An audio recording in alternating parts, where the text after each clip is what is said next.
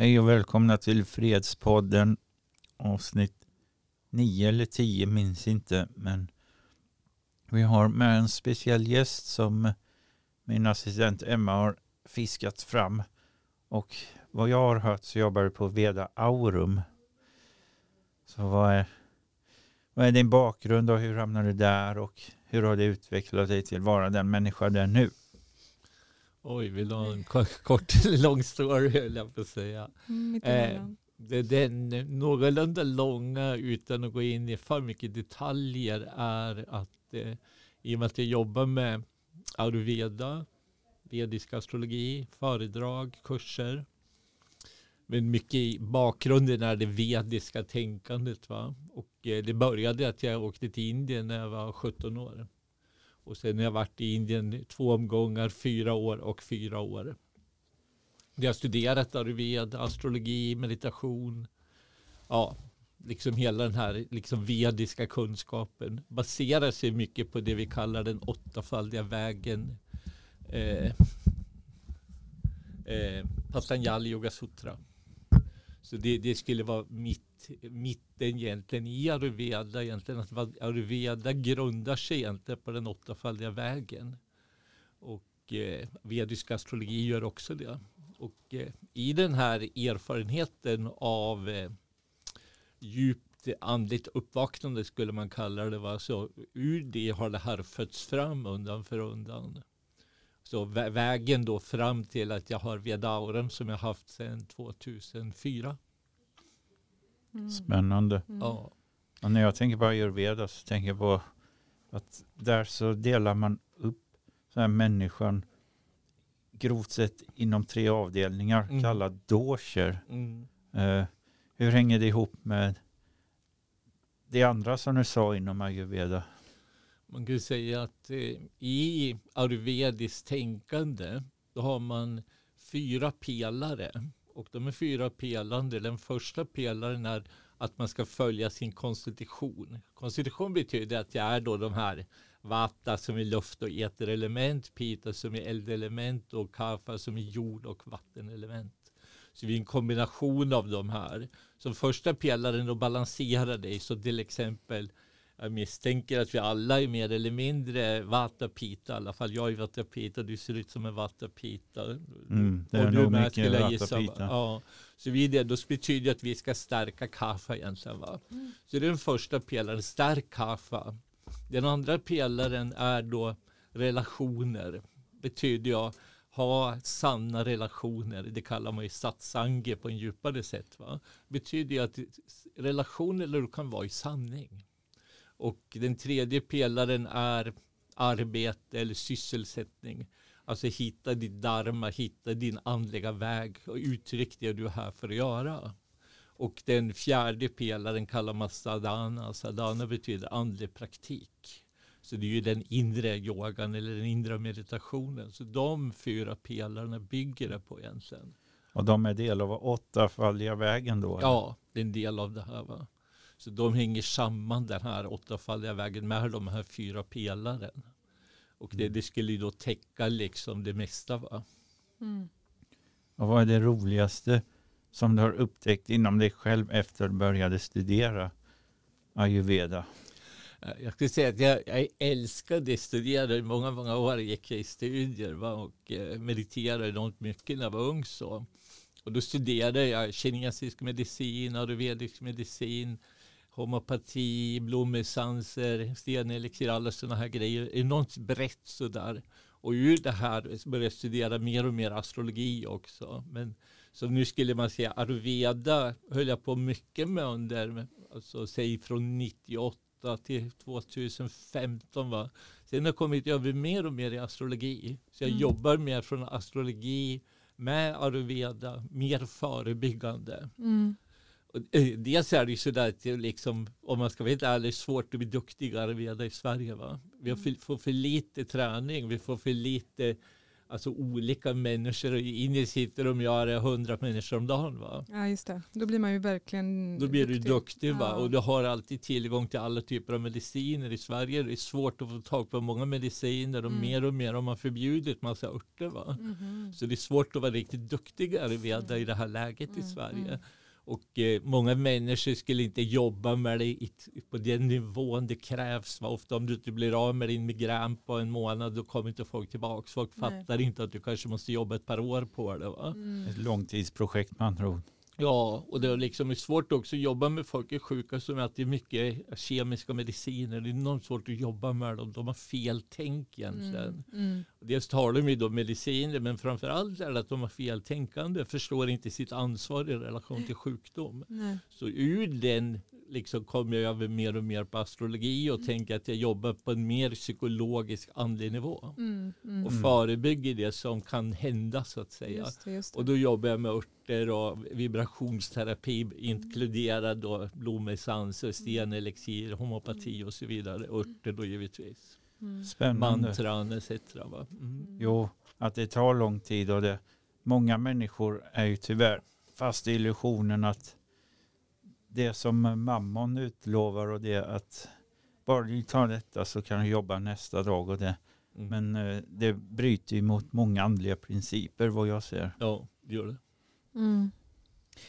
Får jag fråga dig, du sa, pratade om uppvaknande och sådär innan. Mm. Hur, I din resa var det liksom att du fick du uppvaknandet först och sen började studera allt Ja. det här? Eller var det, hade du, du har inte studerat någonting? Innan jag fick mitt uppvaknande, för eftersom jag var ganska ung, jag kände Ja. inte till någonting kan man säga. Nej. Kände inte till ayurveda, astrologi, Mm. meditation, inget sånt där kände jag till. Eller, jag trodde inte på Gud, ingenting sånt här. Va? Typiskt svensk, eh, alltså från att vara en tonåring som är otroligt ateistisk, otroligt negativ, otroligt kritisk till allt, Mm. så fick jag ett uppvaknande som förändrade hela mitt liv. Ja. Vill du berätta lite om det? Och var och när och hur? Liksom? Mm. Det man kan säga att det här uppvaknandet skedde när jag var 17 år. Ja. Och eh, jag är ute och går med en vän så här. Och, eh, han är väl också en sökare. Jag är sökare fast jag vet inte om att jag är en sökare. Nej. Jag är ganska negativ kan man säga. Mm. Dricker alldeles för mycket alkohol. Och, Ja. alltså ganska negativ så här va. Du var det då, ja precis. Mm. Ja, ur det så är jag ute och går med honom. Och det, den här dagen är det då en sommardag och det regnar så här. Ja. Och någonstans går vi där och pratar. Och, och någonting i den kommunikationen vi har är det som någonting bara öppnas i mig. Mhm. Och helt plötsligt är allt otroligt vackert. Va? Mm.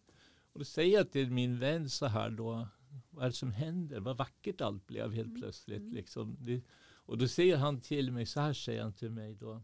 Ja, det är att du upplever den sanna verkligheten. Mhm. Och någonstans liksom i min värld har jag aldrig tänkt i sådana banor. Så när han ser den sanna verkligheten, någonting Mm. händer i mig. Just det. I något, i något djupt känner jag att, att det bara träffar någonting i mig. Känner du en lycka typ? Ja, Ja. jag känner någonting bara svarar upp på det Mm. han säger. Och sen går jag hem på, på kvällen då och sen ringer jag min mamma och så säger jag till min mamma så här, jag måste åka till Indien. Mm. Och min mamma då, som är en ganska excentrisk kvinna, säger vad skönt, det låter jättebra. Ja. Jag stöttar Ja. dig. Ja, och eh, så blev det. Jag sa upp mig på jobbet och sen Mm. åkte jag bara. Jag Mm. var borta fyra år. Oj, fyra år. Mm. Och då var jag liksom på väg att fylla 18. just det. Så det, det, alltså Vilket det, år? Den, fråga vilket det här var år? 1978. 78, Ja. Ja. Så någonting i mig hoppade bara. Va? Ja. Och ur det hoppet så var det som någonting annat började styra mig. Va? Ja. Ja. Det som jag styrdes inifrån. Det var Ja. som någonting inifrån tog över mitt liv. Ja. Det var som en djup, djup längtan styrde mitt liv och har alltid Ja. gjort det sedan dess. Så jag har ett liv innan det här och Ja. efter. Och det, det är så här, jag pratade med den här vännen, nu ser jag, ser jag sitter vi ofta när jag träffar honom, ser- för sju, åtta år sedan kanske. Ja. Så att jag pratade så berättade jag den här storyn för honom. Och då säger han till mig, men hur kan du komma ihåg det där? Mm. Och då säger jag till honom, men, men hur skulle jag kunna glömma? Mm. Alltså det var så djupt, det var Mm. så tydligt, det går aldrig att glömma det va. Nej. Så liksom någonstans när det började ta över, och det ledde ju då till ett djupare och djupare andligt uppvaknande. Mm. Att längtan i mig efter någonting mer va, tog över mig mer och Mm, mer så. Mm, mm. Men på ett, på ett snällt eller positivt sätt ändå. Liksom. Ganska dramatiskt. Dramatiskt, mer och mer dramatiskt skulle man säga. Ja. Först ganska milt så här. Mm. Där man börjar få sån här Alltså verkligen öppningar, va? Ja, hjärtöppningar ja. och så här och känna att det fanns någonting mer. Ja. Till att bli, och att jag blev initierad då i Indien till en gudinna som man kallar Kali. Ja, jag var. I ett Kali-tempel. Kali är dödsgudinnan va? Ja. Kali hon har ju de här Mm. huvudena runt halsen på sina lärjungar. Man hugger huvudet av en människa. Mm. Var Ordagrant. va? initierad i en Kali-rörelse då? Ja, blev initierad i en Kali-rörelse. Den här ganska dramatisk eh, väg. Mm. Som då visste ju inte jag om det, för jag visste inte så mycket där det hände mig. Liksom, för att vissa människor såg att jag hade en längtan och då såg vissa saker i mig Mm. som inte jag såg i mig själv. va. Jag förstår det många, många år senare när jag började läsa astrologi och Mm. alltså började studera för att bekräfta de upplevelserna. Då började jag förstå mer och mer att det har med mina tidigare liv att göra. Va? Så jag Mm. började komma ihåg mina tidigare liv. Va? Mm. Ja, så i långt har inte jag kommit ännu i Mm. min resa. Mm. Jag kommer att tänka på en sak när jag hörde det säger så här, Kali-tempel och det. Mm. Hur är ett sådant i verkligheten? För de har ju gjort en film som heter Indiana Jones där de gör en Mm. skev representation om Kali-rörelsen och jag tror inte att den är så extrem i verkligheten som de försöker skildra i den Nej. filmen. Nej, det är det inte. I, I det här fallet var det att jag träffade en man. Det var 1981. Och den mannen han tog med mig till vissa så kallade saddos eller heliga människor. Då, som, de, jag tog med mig dit varje dag, varje dag, varje dag. Och de satt och pratade om mig och med mig lite grann. Men de kunde ingen engelska. Men jag fattade att de pratade om mig. Så jag kom in i någon förberedelse till någonting som inte jag förstod själv. Mm. Och sen en dag efter sex veckor, helt plötsligt säger jag, nu ska vi gå någonstans. Ja. Och då går vi in i ett Kali-tempel. Och det Kali-templet är, det är egentligen bara väggar med en stor, stor staty av Kali då, som är kanske 3-4 meter hög. Och för Wow. mig är det liksom, oj, det liksom jag, jag fattar ju inte riktigt. Nej. Och i det här templet så sitter det, det sitter det då fyra män. Mm. Alla är klädda i svart, alla har vissa örhängen på sig. Då vet jag att det är en viss sekt de tillhör, det visste inte jag då. Va? Och de här kallade jag i min mind kallade de här stenstoder för de satt helt orörliga så här. Och vi satt timmar där liksom, och då rör inte en fena va. De bara sitter så här och mediterar. Va? Ja, gud. Och sen är det en man då som han är klädd i helt vit, vit eh, kaftan. Mm. Och han är långt grått skägg, precis den arketypen man tänker sig av en vis man. Mm. Och i det här fallet var han verkligen det. För jag, jag såg i hans blick att han, han tittar rätt in i mig. Mm. Och någonting djupt, djupt inom mig bara vaknade. Va? Mm. För det var som hans ögon bara Wow. borrade sig in i själen på mig. Wow. Och sen gick han och satte sig bakom mig. Så Ja. började han meditera. Då visste inte jag att han väckte min kundalini. Jag kände inte till vad kundalini var. Men då väckte han min kundalini. Jag kände det jättetydligt. Hur den kraften bara vaknade i mig. Oj. Och sen då som på ett givet, eh, alltså det var tyst, men alla de här stenstoderna ställer sig upp helt plötsligt. Inte ett ljud har han sagt, den här mannen. Nej. Så går alla fram och ställer sig framför den här gudinnan då, den här statyn. Så börjar den här mannen i vitt ja, chanta någonting. Ja. Och då känner jag liksom, det bara kommer ner som en kraft över den här gudinnan, över den här statyn och helt plötsligt lever den. Va? Mm. Mm. Så du känner hela templet blir fullt av den här statyn. Jag ser hur den bara lever, hur eh, Mm. den blir helt levande. Ja. Och eh, någonstans liksom blir man så här så man börjar skaka hela kroppen. Va? Ja. Så jag liksom mer eller mindre faller ner liksom på knä bara. Så här, liksom. Det var bara som kraften bara faller ner på knä och jag Mm. ligger, liksom, Mm. ligger där och skakar bara. Och sen eh, ja, avslutar de stenstoderna går tillbaks. och när mannen i vitt bjuder mig på te och då börjar jag kolla ner mig. Mm. Men sen eh, går jag ut ur det här templet, jag kanske har varit där säg fyra timmar. Och efter det är allting annorlunda. Mm. Alla människor bemöter mig annorlunda. Alla priser går ner till hälften eller en tredjedel. Behöver aldrig förhandla med människor. Va? Okej. Mm. Åker jag en sån här rickshaw, de har du vet cykelrickshaw, då, då får jag liksom ett pris som är mycket, mycket lägre. Och jag säger aldrig till dem att jag vill någonting. Och alla liksom visar en helt annan respekt sådär. Mm. Och det, det är lustigt att alla verkar veta vad jag är i, utom jag själv. Nej. Ja. Och så är det mycket när man går Mm. Och, andlig väg. ja, Jag kommer ihåg själv när jag var i Indien och blev för så här, helt så här paff över hur stora vissa gudsgestalter är. Det finns ju de som är uppemot 10 meter. Mm. Mm.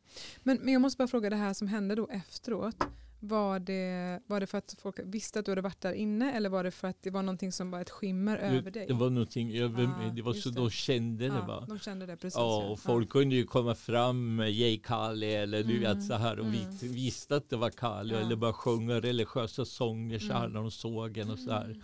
Och jag var ju liksom så ung och na- Mm. naiv på ett sätt. Mm. Så jag förstod ju inte liksom. Men ur det började min kundalini gå upp mer och mer och mer. Va? Mm. Så någonstans min längtan och min galenskap på ett sätt. Va? Ja. Kali är ju en gal, galen Ja. gudinna på ett Ja, sätt. ja. Så, så man, man blir mer och mer galen i Ja. Gud.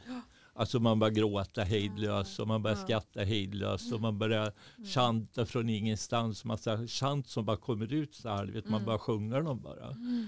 Och vissa människor då, så här så kallade heliga män eller kvinnor, så jag kunde komma fram till gatan och börja prata Mm. med mig. Eller folk skulle läsa mina händer och du vet sådär Mm. och börja prata alla möjliga saker. Ja. Och eh, det var ju som vissa tittade alltid ovanför huvudet på en. Gå in i Mm. trans brukar de göra. Ja. Och eh, ja, där var jag i det här liksom och någonstans kände jag väl att det här är väl min väg att leva i Indien då, liksom bara följa den här energin. Mm. Så jag, i det läget eh, bestämde jag mig, för de sa till mig, många säger, men du är en av oss, va? du ska gå den här vägen. Ja. Så, så jag bestämde att kasta för mitt pass, va? jag kastar det bara och släpper det. Va? Mm. Så jag släpper världen så tänker jag bara vandra bara. Va? Mm. Så då börjar jag vandra liksom. Så leva mycket med de här som också vandrar. Mm. Och Mm. eh, sen, sen kommer det ju en tid där jag blir extremt, extremt sjuk. Okej. Det är som någonting, måste ju hålla mig kvar för jag var ju på väg att gå. Ja, just det. Det fattar inte jag då va, Mm. men jag var ju på väg att dö enkelt uttryckt va. Mm. För man kommer in i så djupa samadhi-tillstånd Mm. och energin går bara uppåt va. Mm. Mm. Så kundalini går ju rätt upp i huvudet på en och rätt upp i space va. Ja, just det. Så jag liksom lämnar ju kroppen mer och mer så här va. Mm. Och det är ju så liksom när man går den vägen, många dör ju. Mm. Alltså Mm. accidentally så att säga va. Mm. Så någonting såg ju till att jag blev sjuk. Då det. Sen läste jag det många år senare. Och det stod, alla som går i den här vägen de får alltid dysenteri. Va? Så jag fick Mm. enormt svår dysenteri. Va? Så de tog ner Mm. mig i kroppen igen. Och sen fick jag vissa infektioner och sådär. Och sen eh, kom eh, någon in som senare jag träffade den här personen som var som en mästare typ. Så han kommer in och säger till mig du måste åka tillbaka till Sverige annars kommer du dö. Ja, okej. Ja, och då bestämde jag mig att ja, jag är nog inte riktigt redo att dö. Nej.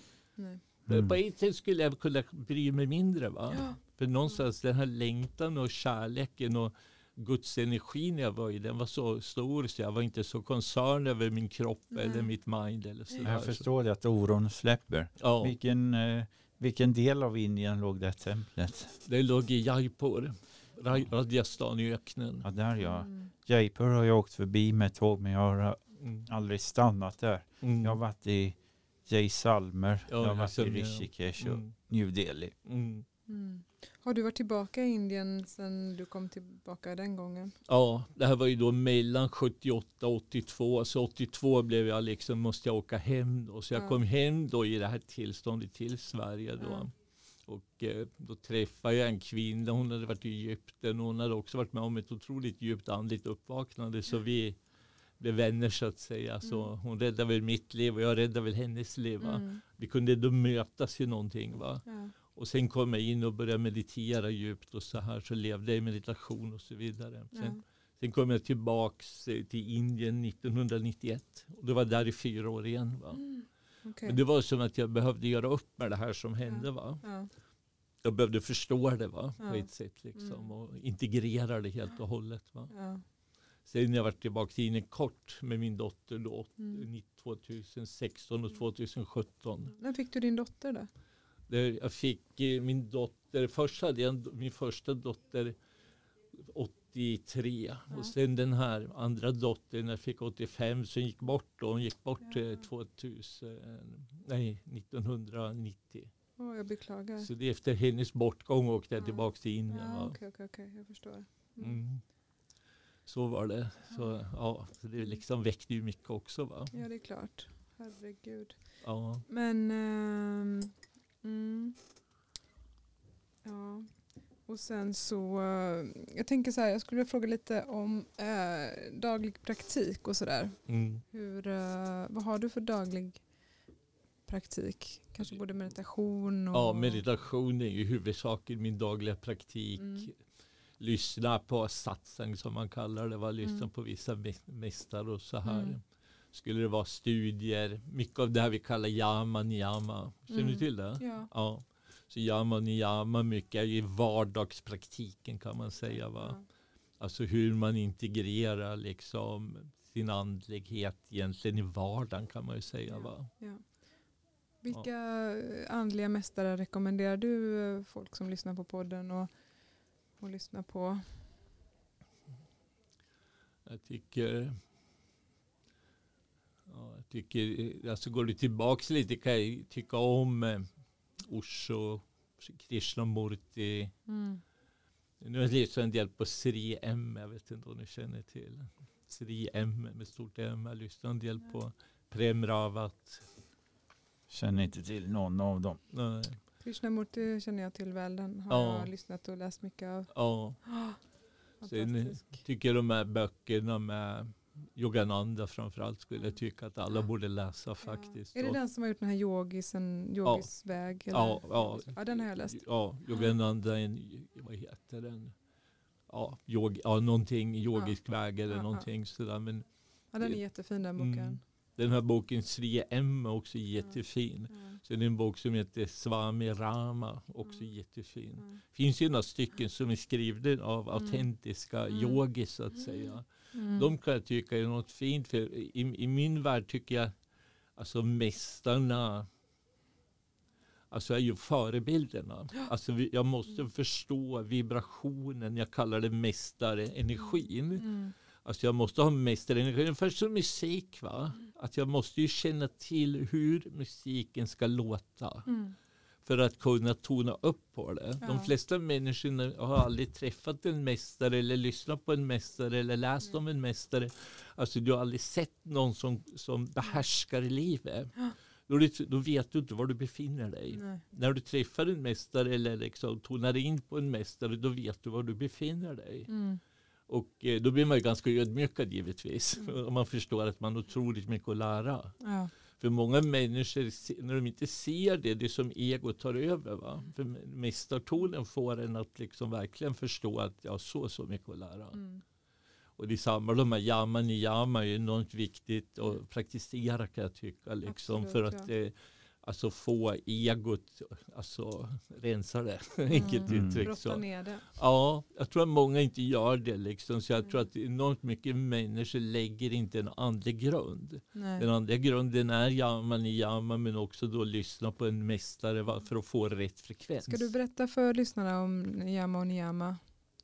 Ja, det är tio principer egentligen liksom av eh, så, så man då försöker integrera. Den första är ju våld då, kallar man ahimsa.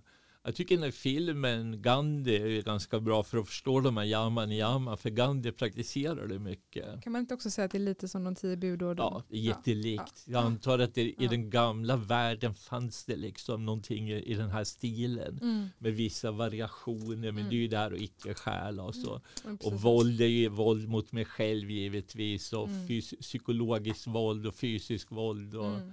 Alltså våldsamma tankar eller negativa tankar Mm. och så. Det är ju- kan ju bli otroligt sublimt Mm. i princip och icke stjäla, ingår, ingår ju inte stjäla energi eller Nej, sådär. För precis. tittar man på egot så där, det är alltid våld. Mm. Det är alltid stjäl. Mm. I och med att det inte är självförsörjande va? Nej, kommer det alltid Just hålla på och det. stjäla. Det kan Ja. aldrig vara sant i och med att det är dualistiskt. Va? Okej. Så satt jag ju en och det alltid var sann. Mm. Det kan du inte vara i en dualism. Va? Nej. Då är du ju sann och icke sann hela det, tiden. ja. Det är alltid splittrat. Va? Det är ju mindets natur. Mm. Så ultimat kan man ju säga de här yaman i yamas alltså tar ju det ur mind och ego. Mm. För egot kan ju inte leva upp till någon av de här tio principerna egentligen. Så den börjar ju sakta, sakta plockas när man börjar praktisera det här, för man ser det hela tiden. Djupare och djupare, mer och mer sublimt liksom. Mm. Första principen är icke-våld, vilken är den andra? Ja, det är sanning, satya var sanning. Att alltid vara sann. Och så bygger man på i steg. Ja, så Därifrån. ofta blir, borde man ju då praktisera en, kanske ett par månader. Mm. Så tar du nästa ett par månader och nästa ett par Ja, månader. det. Sen har du integrerat tio stycken, va? då Ja. kan du bara praktisera dem mer Ja, sådär ja, generellt. ja. Va? Ja. Men det är svårt att praktisera dem om du inte har tystnaden. Va? Nej. Alltså mästartonen är ju tystnaden. Mm. Så ur tystnaden kan jag ju se dem. Mm. Är jag mitt i mig själv, då kan jag inte se dem. Va? Nej. Då kan jag inte se att jag är i våld eller att jag icke liksom, att jag stjäl eller jag, jag är icke sann eller sådär. Så det är därför man behöver liksom först få den här tystnaden och Mm. därifrån börjar man praktisera. Va? Jag, jag gick en yogautbildning för, för många år sedan och då så fick vi, upp, eh, fick vi i uppdrag att eh, praktisera de här. Och Mm. då kom jag ihåg att det här att inte ljuga, det var, alltså det var så mindblowing för mig. Jag, det var jättestort för att, Mm. för att då insåg jag hur mycket jag ljög. Ja. Och alla de här små vita lögnerna och, och varför och så Mm. vidare. Det var som att jag nästan exploderade eller imploderade i men hur svårt det var att sluta ljuga. Alltså det var en jättetransformation för Ja. mig. Det var den, den Mm. största. Liksom, att så här, och att, för jag gick in med det liksom helhjärtat och att säga, okej, Mm. nu ska jag sluta ljuga in till minsta lilla lögn. Liksom. Ja. Eh, Men jag är så tacksam för det Mm. och det var, så, det var ett jätteuppvaknande för mig. Det är starkt Kroppsligt. va? eh, Ja, Ja. den största lögnen är självlögnen. Att Ja. man säger sig vilja göra detta och detta men så gör man inte det och då, då så tar undermedvetandet detta som Mm. lögn och då bara stoppar man sig själv i processen. Mm. Så jag jobbar mycket med att eh, transcendera självlögner men det är så extremt svårt. Det är jättetufft där, det är så Mm. stort va. Ja, det är en tjej vid en kurs där gående, då säger en, en kvinna där på kursen, "Ja, men jag har på att ljuga ända sedan jag är barn. Det började när jag var barn, började alltid ljuga. Sen har jag bara fortsatt att ljuga. Mm. Och det var så där befriande, för liksom, då var det som alla fattade, ja men det, så är det ju faktiskt. Ja. Och då, då gick det här verkligen in, hur stort är de här yaman yama va? Och tittar du på den här fjärde då, brahmacharya betyder ju hur dealar du med sexuell energi. Då kan man ju säga liksom den är ju ofta i våld, den är i osanning, den är i girighet, den är i liksom fel frekvens etc. Mm. Alltså där kan du hålla på många, många år eller många liv till och med bara för att rätta till den va. Mm. Och, eh, men men liksom man, man, måste ju komma till den här insikten att man vill det här va. Ja. Förr kallade vi det här dana din karaktär. Ja. Mm. Det är ganska häftigt ord va? Dana, Dana. din karaktär Dana va? din karaktär, ja. Förfina din karaktär. Ja. Men, men jag ska bara säga, fråga en annan sak. För, att, för jag eh, satt och lyssnade på en grej förut och så var det så här. eh, ja, men de rikaste människorna jag känner är de människorna som gör plats för alla sina sidor. Plats för skammen, för sorgen, för hatet, för allt. Liksom. Att, att tillåta det, att göra plats i sig själv för att det ska få plats. Eh, för att det är en del av människan och att vi blir så olyckliga om vi hela tiden bara ska sträva åt ett håll. Att liksom, ja men kanske det här gudomliga då. Vad, vad tänker du om det? För det är ju också väldigt, eh, väldigt mänskligt att få lov att eh, ja, men få känna alla känslor. Liksom. För, vad är det i egot då tänker jag? Alltså en, en del av livet är ju att alla känslor finns i alla människor. Ja, Från eh, hämnd till liksom det bästa va. ja, Alla känslor existerar i alla människor, det är Mm. uppenbart va. mm, För det, är det som händer när man, när man verkligen krackelerar ordentligt på djupet. mm, Då, då läggs ju alla känslor framför en va. ja, Alltså mellan det bästa och det värsta och det Mm. bästa och sämsta va. mm, Som jag ser det. Och det är klart att där börjar det liksom, man måste ju rensa upp de här känslorna, försonas med alla de här känslorna. Mm. Ur det blir jag ju mer och mer mänsklig va. just det. Så det, jag tycker den andliga vägen blir mer och mer en mänsklig väg. Det. Att bli en ren människa mer och mer och mer. Och då får man tillåta även um, um, Ja. liksom allt. Ba- Bara att det inte fastnar utan att det Ja. liksom får uh, flowa. Vi är så sig. sensitiva. Det är Mm. som någon sa till mig här igår. Att ja, men hennes man sa något taskigt till henne. Mm. Men då var hon inne i det där. Ja, men jag visste alltså, liksom, någonting i mig tog inte åt mig. Nej. Sånt tror inte jag på personligen. det, det, då tror jag att hon ljuger. Ja, ja, Inom citationstecken. ja. För, alltså, vi är känsliga varelser. Va? Vi är otroligt Ja. sårbara varelser. Och Ja. Jag måste ju vara sårbar för att vara öppen för livet. Va? Så liksom, någonstans måste jag förstå min sårbarhet och min styrka. Men min styrka kommer inifrån min sårbarhet. Mm. Alltså blomman i mig är min styrka. yes. Inte liksom den här hårda sidan, tuffa sidan, starka sidan. Liksom. Jag tror att det är något misstag liksom, när människor gör, gör sig starka på fel sätt. Va? Jag måste vara stark inifrån min egen blomma. Va? De är ju inte autentiska, de ljuger. Nej. Men det, Ja. men, och det är väl för att de inte har, alltså, det som jag känner är det största problemet idag, speciellt då i Sverige, för det är där härifrån jag kan prata, Mm. det är ju att vi inte har, eh, vi har inga förebilder. Ja. Eh, De som sägs då ska vara våra förebilder, de är fruktansvärda människor. Ja. Som står där uppe och pratar. Alltså det är så här, vi har så fel förebilder och vi har, eh, ja, vi har inga andliga ledare. Liksom. Ja. Eller jag vet inte, folk som går i kyrkan kanske har någon bra präst. Men, men så här, och det är jätte... Om inte många kan jag säga. Nej.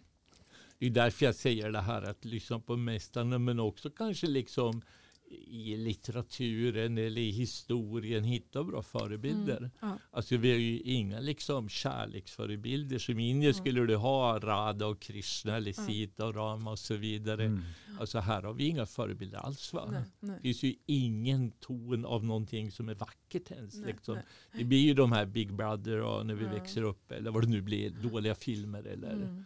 Alltså, och det, det är ju ett enormt, enormt problem. Ja. För, och, om jag inte har sett någonting eller kunnat liksom tona in på något, hur fan ska jag kunna veta? Mm. Jag kan ju nej, inte det. nej, nej, nej. Jag kan bara liksom, det är ju som om du är, spelar fotboll men du har bara sett massa division 9 liksom. Mm. Sen ser du Zlatan spela eller något sånt här va. Ja. Då får du, då ser du, aha, Mm. liksom, eller vad det är i musik eller vad som helst va. Ja. Men liksom så länge man inte har sett det, då, då kan man inbilla sig vad som helst upplever jag. Just det. Mm. Just det ja. Illusionens kraft. Ja. Men också hur, hur lätt det är att folk faller för mammons frestelser. Givetvis. Och hur bryter man sig fri från mammon? Ja. Eller hur, hur har din resa varit att så här, ta avstånd från den energin? Jag menar, I indiskt tänkande har du ju det här pengar, sex och makt. Mm. Är, är Maja, är illusionen. Va? Mm. Pengar är ju det första chakrat, va? överlevnad. Sex är det andra chakrat. Va? Precis. Och eh, makt är det tredje. Nu, nu menar jag inte liksom, alltså när jag pratar om sex, då menar jag lust som egentligen är Ett girighet. obalanserat va? sakralchakra. Ja, ja, Mm. det är girighet egentligen. Va? Mm. Det är inte kärlek. Va? Nej. Och så vidare. Men normalt skulle man ju styras av de här tre otroligt starkt va, som människa. Mm. Att de driver mig i alla mina handlingar. Ja. Och samtidigt liksom den återfallliga vägen handlar ju egentligen om att eh, kunna liksom sakta men säkert alltså rensa ut dem. Va?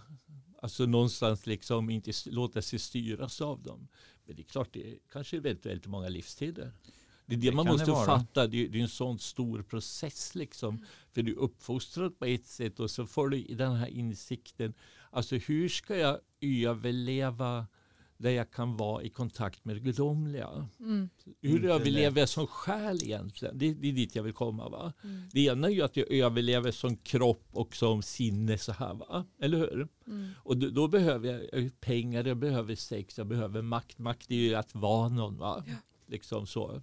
Och då, då, då söker jag hela tiden sexuell bekräftelse, bekräftelse på att jag är någon och liksom se till att jag får mycket pengar. Mitt liv handlar ju om att jag som Johan ska ha det så bra som möjligt li- i livet. Va? Men som själ hamnar ju det första chakrat kommer till service. Va? Jag servar mitt högre jag. Det andra chakrat handlar ju om att få frid i den sexuella frekvensen. Va? Mm. Och det tredje chakrat handlar om att makt är kärlek. Va? Fjärde blir ju broderskap, Mm. systerskap och femte blir att se helheten etc. Va? Ja. Så jag måste ju transcendera, det är ju det som yoga egentligen betyder hela shuddha bhutis. Va? Mm. Shuddha rening, bhutis elementen, rena elementen. Mm. Och eh, tänker man då att jag skulle gå till service istället för eh, pengar. Va? Mm. Att jag, jag är här för att serva mitt högre själv och fråga vad mitt högre själv vill hela tiden. Ja. Va?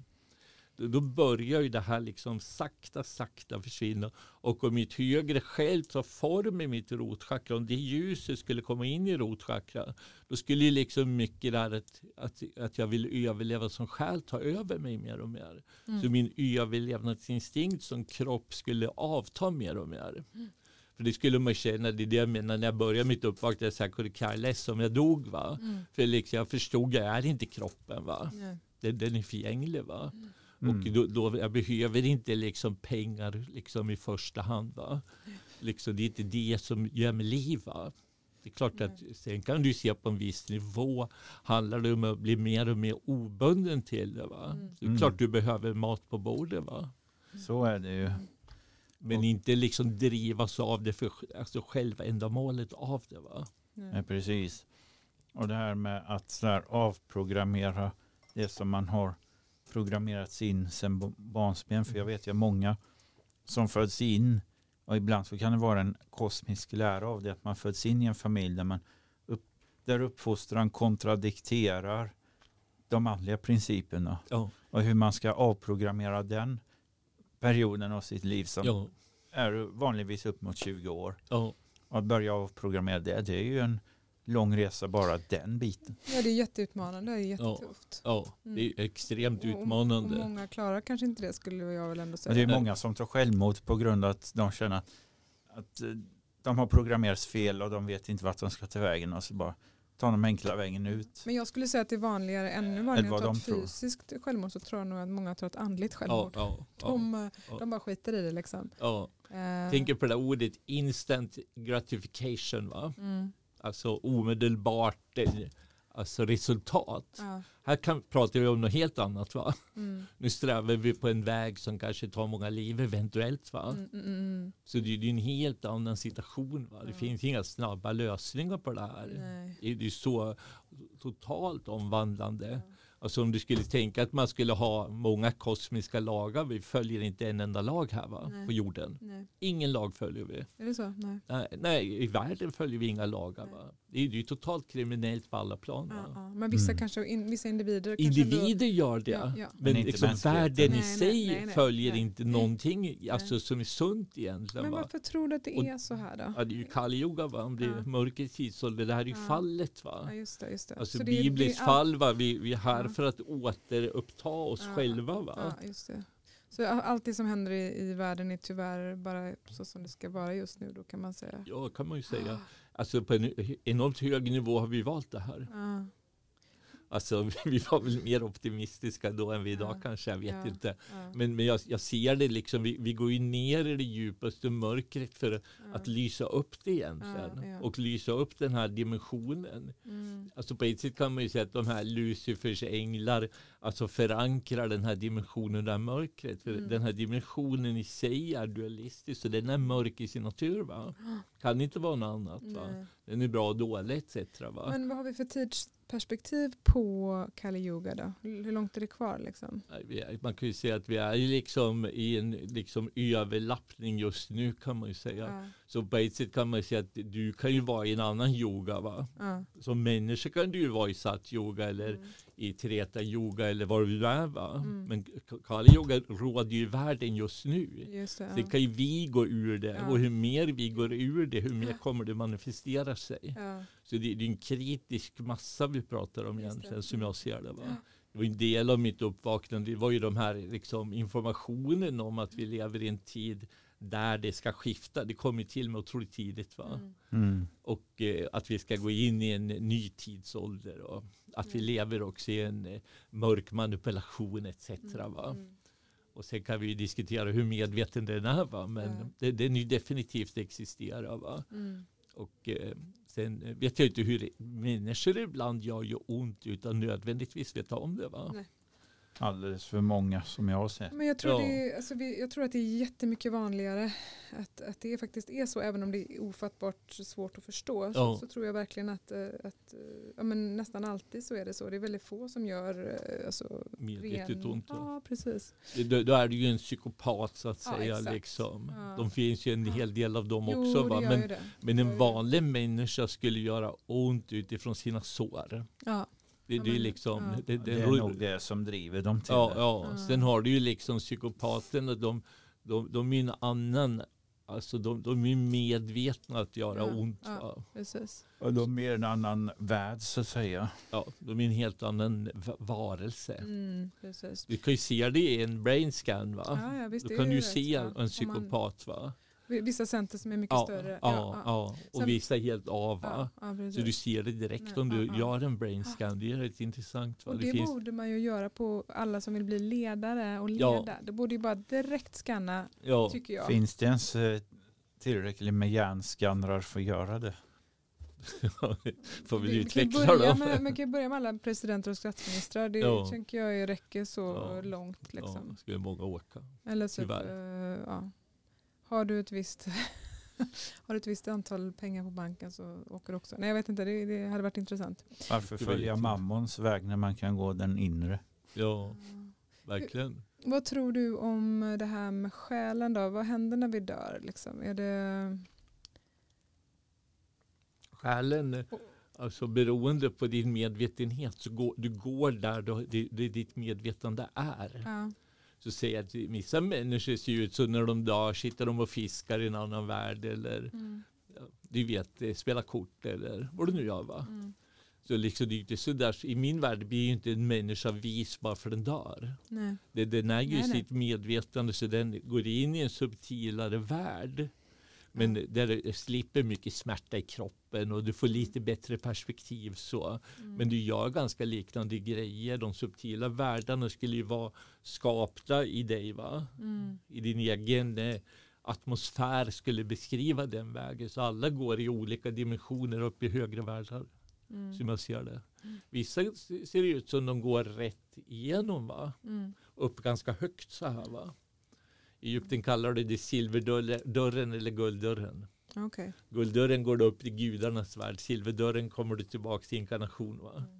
Jag har alltid undrat när själen kommer in i människan.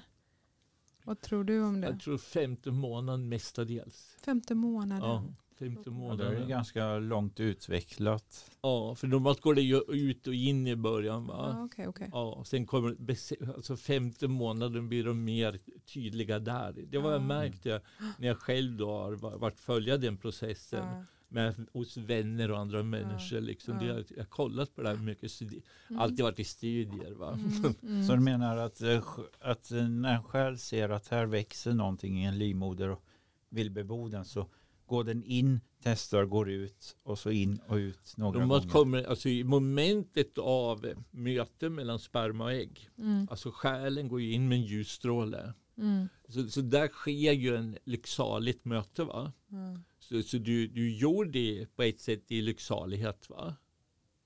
Det är det som du kan känna det när en kvinna blir gravid. Jag kände ju det direkt. va Mm. När hon blir gravid så känner du det här mötet och det blir som en bliss Ja. Och ett ljus. Mm. Och sen kan man säga där blir ju det liksom själen har gett sitt avtryck. Mm. Och sen kan ju själen dra sig tillbaka och komma in och ut så här. Och sen Mm. går den mer och mer befäster sig i ma- magen så att säga. Mm. Eller livmodern för att vara Ja. mer Ja, exakt. vara mer exakt ja. Ja. Sen, ja men exakt. Sen är det väl också så att det tar väl, ibland kan det väl ta flera dagar innan liksom själva samlaget och sen när, alltså när de möter, oftast kan det också vara flera spermier runt ägget och så väljer ägget vilken spermier det ska ta. Men det kan ju vara flera dagar efter. Eh, Ja. Fast du kanske ändå kan känna in i framtiden. Ja, själva jag, jag liksom- vet inte, jag tyckte jag kände det inom kanske Ja. 20 minuter. Ja, okej, okej. Vart Ja. 20 minuter kom det sådär. Liksom då kände jag blissen hur den når så här. Alltså det är samma princip också det här jag Ja. berättade när jag blev initierad i det här Kali-templet. Ja, När han tittar in i mig, han, Ja. han penetrerar ju mitt ägg. ja, Alltså Ja. jag ser ju ut som ett lysande ägg va. Det, det är ju det vi kallar Ananda Maya Korsa, lycksalighetsägget. Det är ju vår natur. Så hans blick penetrerar ju mitt ägg med ljus. Och där blir ju jag till Mm. andligt sett va. Mm, Så det är precis samma princip va. Och sen, sen växer jag då andligt utifrån den erfarenheten. Va? Mm, mm. Men man känner det liksom när man har blivit penetrerad på det sättet. Då, då växer ju någonting helt annat. Då börjar liksom en andlig process. Mm. Och det skulle ju också gå från spädbarnssteget att växa liksom upp och bli mer och mer vuxen rent Mm. andligt. Va? Så det är precis samma sak. Det är Mm. det som är så mystiskt. va? Mm. Det här är ju alkemin. va? Ja, Men, ja, men, ja, men Det, det är ju hur vi föder Kristus egentligen. Va? Ja. Eller kärleksmedvetandet ja, ja, i Mm. hjärtat. Så. Det är fantastiskt. Nu är klockan tre. Eh, Mm. Och vi har ju inte ens hunnit att fråga någonting om astrologi. Men jag tänker så Jag här. tänkte ställa en sån Ja. fråga bara lite snabbt. Hur är den här åttafaldiga vägen inom ayurveda kopplad ihop med planeternas rörelser och sånt och vilka influenser har planeterna på ens process när det gäller åttafaldiga vägen? Man kan säga en ganska komplex fråga, men man kan säga att horoskopet visar vad du har tänkt dig. Alltså om du tänker dig innan du föds, har du en plan. Så alltså, horoskopet visar den planen egentligen. Och inom horoskopet skulle du ha mycket gömda koder. Va? Så mycket av det här jag pratar om när jag pratar om att bli penetrerad i ljus, så många av de här grejerna finns gömt i horoskopet i vissa koder. Mm. Så man kan säga att liksom det, det andliga uppvaknandet finns inkodat i horoskopet. Så man kan säga om man tittar djupt i astrologin så är det det som är meningen. Och någonstans försöker man ju då ta alla planeter. Alltså, om du, man kan säga att du är ju ett kosmos. Va? Mm. Alltså det här är ju ascendanten, den här kroppen, det är jorden. Och runt jorden har du ju stjärnhimlen. Så det, alltså, det är så du skulle egentligen se ut va? Som en varelse. Du skulle titta på dig, då skulle du vara, vara det här ägget och i det här ägget finns alla stjärnor. Alla Mm. planeter. Och någonstans handlar det om att återintegrera de här planeterna. De går ju runt solen. Va? Solen skulle ju, ultimat skulle ju solen vara mitt ljus. Min själ. Så planeterna liksom, alltså måste, ju- alltså skulle vara solens strålar på ett sätt. Va? Så någonstans handlar det om att återintegrera planeterna som kvaliteter av det gudomliga jaget. Eller hur? Mm. Venus skulle ju vara kärleken eller Merkurius skulle vara den som kommunicerar från ljusets sida etc. Mm. Så någonstans liksom försöker man ju då återintegrera det här och försöka förstå hur, man kommer hem så att säga. Vissa planeter ställer till mycket problem för mig. Mm. Så jag försöker hela dem. Så astrologi är ju healing egentligen på ett enormt djupt plan. Va? Mm. Hur jag kan hela mig själv och vad som är aktiverat just nu och hur mitt karma spelar ut sig och ta fullt ansvar för sitt karma egentligen. Mm. Men eh, ultimat vill jag ju liksom bli, alltså väcka liksom horoskopet, väcka planeterna Mm. på en djupare nivå. Ja. Normalt skulle ju Merkurius se kommunikation, normalt skulle det vara mitt mind, hur jag kommunicerar ut och babblar. Va? Mm. På en högre nivå skulle Merkurius vara budbäraren mellan ljusets värld och våran värld. Mm. Betyder att jag kommunicerar ut ur ljuset Mm. av mig själv. Va? Och så vidare. Va? Mm. Så det, där skulle man ju då se om planeterna följer den, alltså yama, niyama etc. Va? Det kan du titta över på den nivån. Mm. Och försöka förstå hur planeterna går in i samadhi ultimat. Va? Mm. Och blir ett med ljuset inom mig. Mm. Så, men det är därför man behöver den processen av förståelse för att förstå det, astrologi. Va? Mm. Ja. Det är det som är liksom, normalt skulle vi klippa liksom astrologi från det här perspektivet, va? eller yoga eller ayurveda va? i vår kultur. Mm. Eller hur? Vi, vi klipper Mm. alltså allting från det större medvetandet. Det är enklare va? Mm. Normalt skulle vi inte undervisas i ayurveda eller astrologi eller yoga etc. utifrån den högsta principen. Ska Nej. du vara med på det? Ja, ja, nej jag är inte riktigt med. Jag, Alltså normalt skulle ju liksom Alltså du, du kan inte egentligen praktisera ayurveda, yoga eller astrologi om Nej. du inte har Guds upplevelse. nej, just det. Just det, det den är ju ja, centrum ja, va. ja, Yoga betyder ju förening med Gud. Just det. Ja, men, Eller hur? Ja, men precis. Ja. Och nu, nu har du dragit ut det till en fysisk aktivitet för det mesta. Ja. Där man inte praktiserar den åttafaldiga vägen. Nej, nej, men precis. Ja. Så det, det, det liksom lever i sitt eget space. Ja. Ayurveda är ju samma sak. Det blir ju en hälso, ja. alltså konsultation. Mm. Liksom, du kan ju inte bli hel utan det heliga. Nej, nej, men exakt. Men jag tänker, för jag har alltid tänkt så. Så du, du, du gör det, det, liksom, det är ju bekvämare. Liksom. Det är också att försöka få det rumsrent, liksom, Mm. mindre komplext. Va? Men generellt skulle Och kanske liksom, också ett, en, en, eh, vad heter det, en, en, eh, en, en början till någonting. Att så här, om folk Ja. kommer från, från en helt annan värld och så börjar de kanske Ja. bara fysisk Ja. yoga och sen börjar de märka att det är någonting som händer i mig Ja, och så öppnas det upp. ja, Har jag alltid tänkt. Och jag har sett också att det har hänt massa, för massa människor. ja. Så att Alltså man, man kan ju öka sin nyfikenhet så att Ja, säga, ja, eventuellt. precis, ja. Jag tänker också att de fysiska övningarna, även om inte du, även om inte du har kontakten med Gud där, så öppnar de upp för att få kontakten med Gud. Lite så. Ja, på sikt kan det ju bli Ja, så, precis. eventuellt. Ja, eventuellt. Exakt. Mm. eventuellt. Men min lärare skulle inte hålla med oss. Men Nej, nej.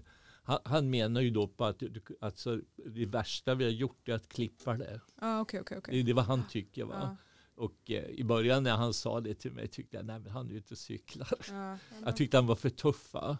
Men nu mer jag tittar på det så tror jag faktiskt mer och mer att han har rätt. Va? Mm. För du, du, du introducerar liksom ett koncept som är dualistiskt va? istället för helt. Mm, ja, jag förstår. Ja, Det, det är liksom så jag ser det. Va? Mm. Och det, det gör ju då också att vi alltså, tappar välsignelsen. Mm, mm, Mm. Men det är Egentligen. det, mm. Vi det- praktiserar utan att vara välsignade. Va? Ja. Mm. Och vi förstår inte det liksom, så det blir ju en ny egotripp. Va? Egentligen. Det är så va? det är. Mm. Jag har ju fått lära mig också att eh, en av betydelserna av guru om man tittar på sanskritordet Mm. det är just att det betyder tung. Ja, det är så. Det är läror i, utan kompromisser som bara faller tungt på en och Ja. det kan vara väldigt strängt. Ja. Sen är det upp till eleven att tro på det eller inte Mm. och sen kanske förverkliga delar av det tills den förstår att men Mm. helheten behövs. Det måste vara så här supersträngt. Mm. Mm. Det, det roliga är att guru betyder ju Jupiter va? i astrologin. Jupiter är gurun va? Jupiter är den största planeten, den är tung va? Och Jupiter styr fett va? Så den är tung va? Så, så min fettvävnad i Jupiter är tung va? Gur, gurun ska ju också förankra mig. Alltså förankra upplevelsen i den här dimensionen så jag inte flyger iväg va? Mm. men då Jupiter också en manifestation av Kappadåsen. då, Ja, ja absolut. Men Jupiter visar i horoskopet vad, vilken relation du har med gurun va? Mm. Okej, ja. Ja. Men hur, om du skulle ge liksom folk som lyssnar nu en liten prognos. För ofta har man ju sett så att man har sett liksom världshändelser och sådär. Mm. Eh, Man kan inte se det i astrologin innan. Vad skulle du säga att det närmsta året har att bjuda på här? Har du några liksom, eh, sådär allmänt, vad, vad, vad står vi inför? Jag tror att det, det, det vi i huvudsaken står för det är att det här uppvaknandet kommer mer och mer. Va? Mm. Alltså också att världen kommer och alltså med, från 2020 rent astrologiskt börjar ju världen kollapsa. Va? Ja. Så kollapsen hände 2020 och mycket av den här vad man skulle kalla yttersta tiden eller apokalypsen eller domedagen eller vad du nu vill kalla det. Det, det är ju egentligen 2020. Mm. Och det ligger framförallt för, från 2020 till ungefär augusti 2025. Okej. Där, där ska kollapsen ske. Va? Okej. Alltså det är lite grann som hela världen går igenom det här vi kallar själens mörka natt. Va? Ja. betyder ju egentligen finns ingenstans att vända sig längre. Nej. Mer än in. Va? Det är ju själens mörka natt. Va? Ja, okej. Det, det är ingenting här ute som kan rädda mig Nej, just det, längre. just det, just. Ja. Och mer och mer börjar jag förstå att det finns bara det, någonting inom mig som kan rädda mig. Ja. Och det tror jag människor kommer att se mer och mer och mer här, alltså månad till månad, år till år. Va? Mm. Att ingenting håller va, helt enkelt. Va? Nej. Ja, det känns ju, nej men precis, det, det är ju på något sätt en, en, eh, en lösning på många problem. Det är att vända sig inåt. Ja, det, det är det vi måste göra. Ja. Jag kommer ihåg att jag läste en bok, i början av 80-talet. Och be- beskriver den här mannen då, det här de kallar eh, prövningarnas tid. Va? Ja. Alltså i prövningarnas tid för honom ligger ju den ungefär då fram till 2025. Då. Mm. Och det säger han att det kommer liksom gå dit här att alla människor will cry for mercy. Mm. Okej. down on their knees and cry for mercy. Okej. Det är det som kommer att ske. För människorna kommer, alltså egot kommer liksom förstå sin hjälplöshet. Va? Ja, ja. Att det, liksom egot har inte koll på läget. Va? Nej. Och det, det märker man ju när man kommer nära döden eller det Mm. händer vissa grejer. Då man Ja. verkligen ser att nej, jag har ingen koll på läget. Va? Nej, Det, det, går, det går inte. Då. Då man får surrender. Va? Kan man börja lägga sig på knä direkt eller? Ja.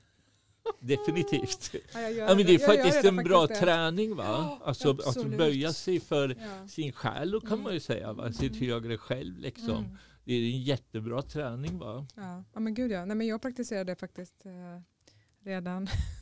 Mm. Titta Indien va? Mm. Hur du börjar med det tidigt. Inför gudarna, inför gurun, inför föräldrarna, inför Mm. mor och farföräldrarna. Man går ner och tar dem på fötterna va? Mm. Betyder ju egentligen fiskarna va? Mm. Fiskarna är medkänslan. Okej, ja. Alltså jag söker ju medkänslan va? Mm. Av dig eller min Mm. mamma eller Mm. min farfar eller gudarna eller gurun va? Mm. Det är ganska fint. Mm. Och eh, alltså, det beskriver naturen av någonting. Va? Enormt djup natur. Mm. Alltså, tittar du de här stora verken i Indien, det är alltid alltså, laying on the feet of the guru. Va? Ja. Och det, det, det finns inom oss. Va? Mm. Alltså de här gudomliga fötterna, lotusfötter som man kallar det, finns inom oss. Mm. Och, eh, och vår inre kärna är gjord för att böja sig. Och det gör det när, när Gud kommer i det här jag berättar, den här Kali jag berättar, när det kommer då böjer man sig. Mm. Du har inget val va? Nej. Du, du, du liksom bara lägger dig va? Mm. Man vill ju inte vara rakryggad inför Gud. Nej. När han kommer i vilken skepnad som helst. Om man bara känner att "Ja, men det här är Gud. Ja. Då är, då är bara Mm. ner på knä. ja. Så jag tror att det, den processen sker mer och mer och mer liksom. Och, Mm. så allt det här som äger rum i världen är ju en Mm. del av den här Mm. processen. Va? Det, är ju, det är ju mitt krig som spelar ut sig egentligen. Jag, jag kommer att tänka på en rolig grej nu som, som, som, som jag vet inte vad det är för någon, någon amerikansk saying som jag hörde i något, um, någon amerikansk serie för länge sedan där de säger eh, det är bättre att dö stående än att leva på knä. Och det är liksom tvärt emot det som Ja, säger. Ja. Ja. det, det är ändå underbart på sitt sätt. Ja, det är humoristiskt. ja, exakt. Det är fint. Det säger ju mycket va, om USA, eller får Ja. säga. Va? Ja. Alltså, också hur vi har lärt oss. Va? Mm. Ja men exakt, exakt. Liksom, det är ju så Mm. jag har lärt mig. Jag växer upp, stå Ja. rakryggad och Ja, stå ja, för det. Du, du ska ha koll på ditt liv. Va? Och här säger jag tvärtom. Mm. Du har inte koll Men det överhuvudtaget. är många saker som vi har lärt oss tvärtom. Eller Ja, tvärt emot, verkligen. Så. Och det är väl också någon slags, eh, det känns ibland som ett experiment ifrån de som har velat lära ut. De har liksom sagt, nej men nu provar vi det här istället. Mm. Så, men ja. men okej då, hur känner du David? Har du någon mer fråga? Eh, kanske några astrologiska men på grund av att det tog över tog drygt en timme nästan med de här Mm. frågorna som vi har haft så jag tror att själva astrologidelen kommer vi göra en, en uppföljning på till våren någon gång om det är öppen för det. kan vi göra. Och då kommer vi ställa lite mer astrologiska frågor och fortsätta där vi typ slutade. Så det Kan blir en form av bordläggning detta. Så det här blir del ett av intervju med Johan Andau eller vad nu det hette. Mm. Kan vi göra. Ja. ja men vad fint, du får jättegärna komma tillbaka. Ja, tack så mycket. Ja. Tack så jättemycket för Ja. din tid och din Ja. eh, visdom. Mm, tack. Tack. Och till lyssnarna, fortsätt inforska. Eh, våga ifrågasätta. Ifrågasätt anden. Eh, tack för mig. På återseende. Frid.